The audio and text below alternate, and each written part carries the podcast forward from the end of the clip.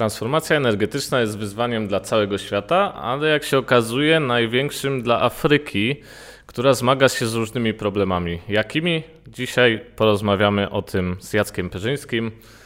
Zapraszamy.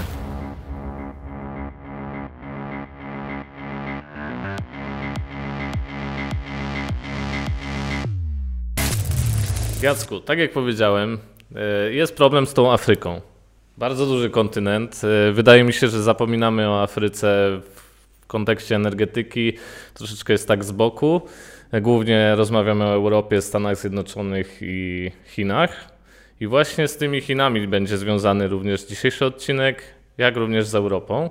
Afryka generuje, jeśli mówimy o globalnym ociepleniu, najmniej najmniej emisji, najmniej emituje do atmosfery, e, czyli najmniej szkodzi środowisku spośród wszystkich innych kontynentów, ale ma problemy z e, elektrycznością, bo tylko połowa e, ludności, której jest tam miliard, trochę ponad, miliard, miliard przecinek dwa chyba, połowa z tej ludności cierpi na brak właśnie dostępu do prądu, między innymi. Co więcej, w ostatnim roku widzimy wzrost PKB w państwach afrykańskich, e, co jakby sprawia, że Afryka jest bardziej korzystna dla tych podmiotów z zewnątrz, które mogą inwestować w Afryce. Afryka też ma problem z deficytem energii i tutaj z pomocą mogą przyjść OZE z Chin. Na czym miałaby polegać ta pomoc chińska? A więc tak, tak jak wcześniej wspominałaś, w naszych analizach e, zbyt często koncentrujemy się na Europie, Stanach Zjednoczonych, Chinach albo Rosji. Nie możemy zapomnieć o Afryce, która jest potężnym kontynentem i od e, kilkunastu lat e, prężnie się rozwija. Jednak dla Europy i Stanów Zjednoczonych ten kontynent był na drugim miejscu, co sprytnie e, wykorzystały Chiny. E, już wcześniej budowały tam swoją pozycję gospodarczą poprzez projekty infrastrukturalne i oferując im atrakcyjne, atrakcyjne możliwości do budowania obiektów energetycznych. No i właśnie tutaj są też oskarżani o kolonizację, prawda? Tak. E, w tym roku najważ, najważ, jednym z najważniejszych e, projektów energetycznych, które zostaną ukończone, to będzie elektrownia elektrownia e, wiatrowa w Namibii o mocy 50 MW, jak również pływająca elektrownia słoneczna w, Zimbabwe o mocy 1 GW. Tak jak wspomniałeś, Chiny są oskarżone o kolonizację, e, jak i również gospodarkę rabunkową. Ale tutaj najpierw chciałbym zwrócić na pewien proceder, e, w jaki sposób działają podmioty z państwa środka. Faktem jest, że chińskie firmy otrzymują e, liczne subsydie e, państwowe i dzięki temu e, startując w przetargach mogą obniżać swoje ceny, co dla państw afrykańskich może być e, bardzo atrakcyjne, ponieważ mają mniejsze możliwości finansowe. I pojawia się taka sytuacja. Chiny, chińska firma wygrywa przetarg, Natomiast e, państw, jakieś państwo afrykańskie mówi, nie możemy kontynuować e, tego projektu, ponieważ nie mamy na to środków. I mówią, dosypcie nam na przykład. Natomiast chińs, e, chińskie firmy mówią, OK, możemy dokończyć tą budowę, ale w zamian udostępnicie nam swoje złoża ropy naftowej albo jakichś albo innych pierwiastków ziem rzadkich. I... Okej, okay, czyli w, tak, w taki sposób tą korzyść e, osiągają, czyli nie, jakby przejmują dane rejony, tak. powiedzmy dane biznesy. Mhm, tak. E, tutaj też należy wspomnieć, że Afryka, złoża naturalne w, Afryce są bardzo bogate. Mówimy tutaj o E, złożach ropy naftowej, gazu ziemnego, złota, diamentów, kobaltu i litu. Interesujące jest, że największe złoża litu są właśnie w Zimbabwe, a właśnie mm, lit jest bardzo pożądany w kontekście e, elektromobilności i budowy Budowane akumulatorów. są baterie, wytwarzane Tak. są baterie Tak. z litu. Baterie Także, chi, także, chińs, także chińskie firmy działają w taki sposób. Przychodzą do, e, przychodzą do Afryki i mówią: My zbudujemy wam port i linię kolejową.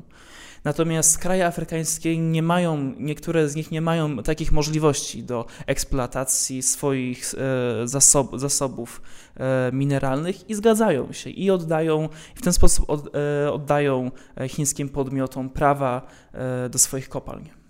Zastanawiam się o roli Europy w tym wszystkim, bo czy Europa może być alternatywą dla Afryki, tak z perspektywy, patrząc z perspektywy Afryki, czy może być alternatywą e, wobec Chin? Wydaje mi się, że tak, ale to zaczęło się zmieniać dopiero w, w, ostatnich, w ostatnich dwóch latach.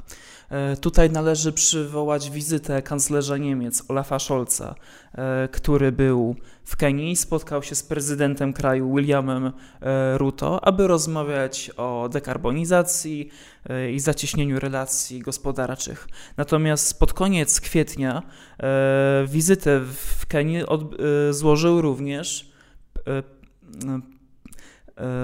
pre, e, premier, premier Japonii e, Fumio Kishida i również, e, i również poruszył temat transformacji gospodarczej, jak również opracowania specjalnych regulacji finansowych, które, uchroni, które mają na celu uchronić państwa afrykańskie przed wpadnięciem w spiralę chińskiego długu. I to jest bardzo ważne. Oprócz tego Stany Zjednoczone, nie tylko Europa, ale Stany Zjednoczone również e, uaktywniły się w Afryce.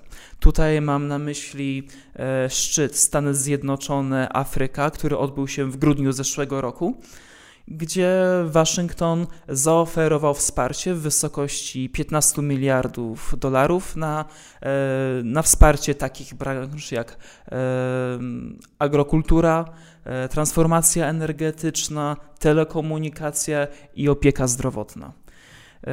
Ale tak jak wspominałeś, pytałeś się o Europę.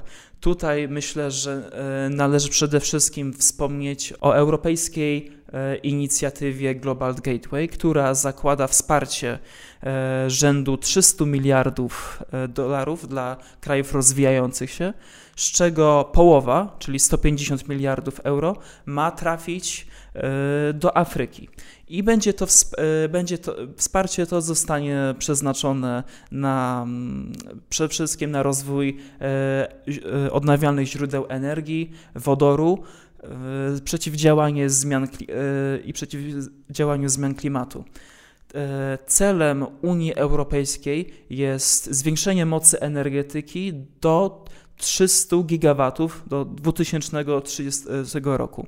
Także myślę, że możemy powiedzieć, kraje zachodnie, kraje zachodnie zaczęły się uaktywniać.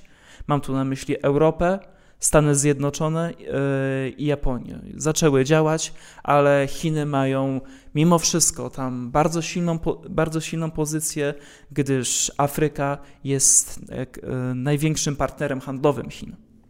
Chciałem nawiązać do rozmów, o których wspomniałeś. Europa zaczyna rozmawiać z Afryką. Wiemy, że każdy, każda współpraca musi rozpocząć się od dialogu, ale czy nie jest za późno? Bo jednak te wpływy chińskie w Afryce są od dłuższego czasu, a tutaj Europa dopiero. Czy nie jest za późno na tą aktywność Europ- Europejczyków? Wydaje mi się, że nie. Przede wszystkim samo stworzenie mm, e, inicjatywy Global Gateway daje państwom afrykańskim możliwość wyboru. I to jest bardzo ważne. Chiny w przeciągu, w przeciągu lat patrzyły, e, patrzyły głównie na e, kwestie stabilności, e, stabilności politycznej, gospodarczej i, do, i decydowały się na współpracę z krajami afrykańskimi. Natomiast państwa europejskie muszą brać pod uwagę war, kwestie wartości i przestrzeganie praw człowieka, co w niektórych państwach afrykańskich wygląda różnie. Ale też chciałbym wspomnieć, że takie kraje jak e, Kenia, Tanzania, Nigeria, RPA i Afryka Północna to są kraje, które mają już potencjał, jakiś potencjał gospodarczy i mogą stawiać Chinom żądania. E, interesujące jest, że coraz więcej państw afrykańskich zda zaczęło zdawać sobie sprawę z zagrożeń, jakie wynikają ze współpracy z Chinami. A tu mam na myśli e, gospodarkę rabunkowa, spirala długu, jak i również e, szpiegostwo poprzez e, sieć 5G i Huawei. Czyli tutaj właściwie możemy to podsumować, że Chiny mają tą przewagę nad Europą, że mogą działać bezpośrednio. Europa ma dane e, standardy, których się trzyma i musi się trzymać ze względu też na przestrzeganie praw człowieka i tak dalej, i tak dalej. Więc wiadomo, że każda papierologia i coś, co musi przejść przez dany urząd, jest wolniejsze niż coś, co można zrobić od razu, tak jak mogą to zrobić Chiny.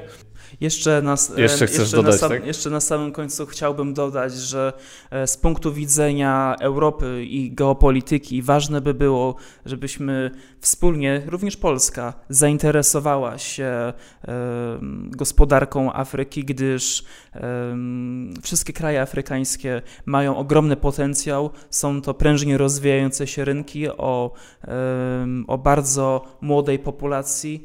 Także byłoby błędem, ogromnym błędem geopolitycznym, gdybyśmy pozostawili Afrykę na państwo Chin. Nie zostawiajmy Afryki na pastwę Chin. E, dzięki Jacku za dzisiejsze spięcie. Dzięki. Państwa zapraszamy do sekcji komentarzy. Czytamy. Dzięki Jacek. Państwa zapraszamy na za tydzień na kolejne spięcie. Dziękuję.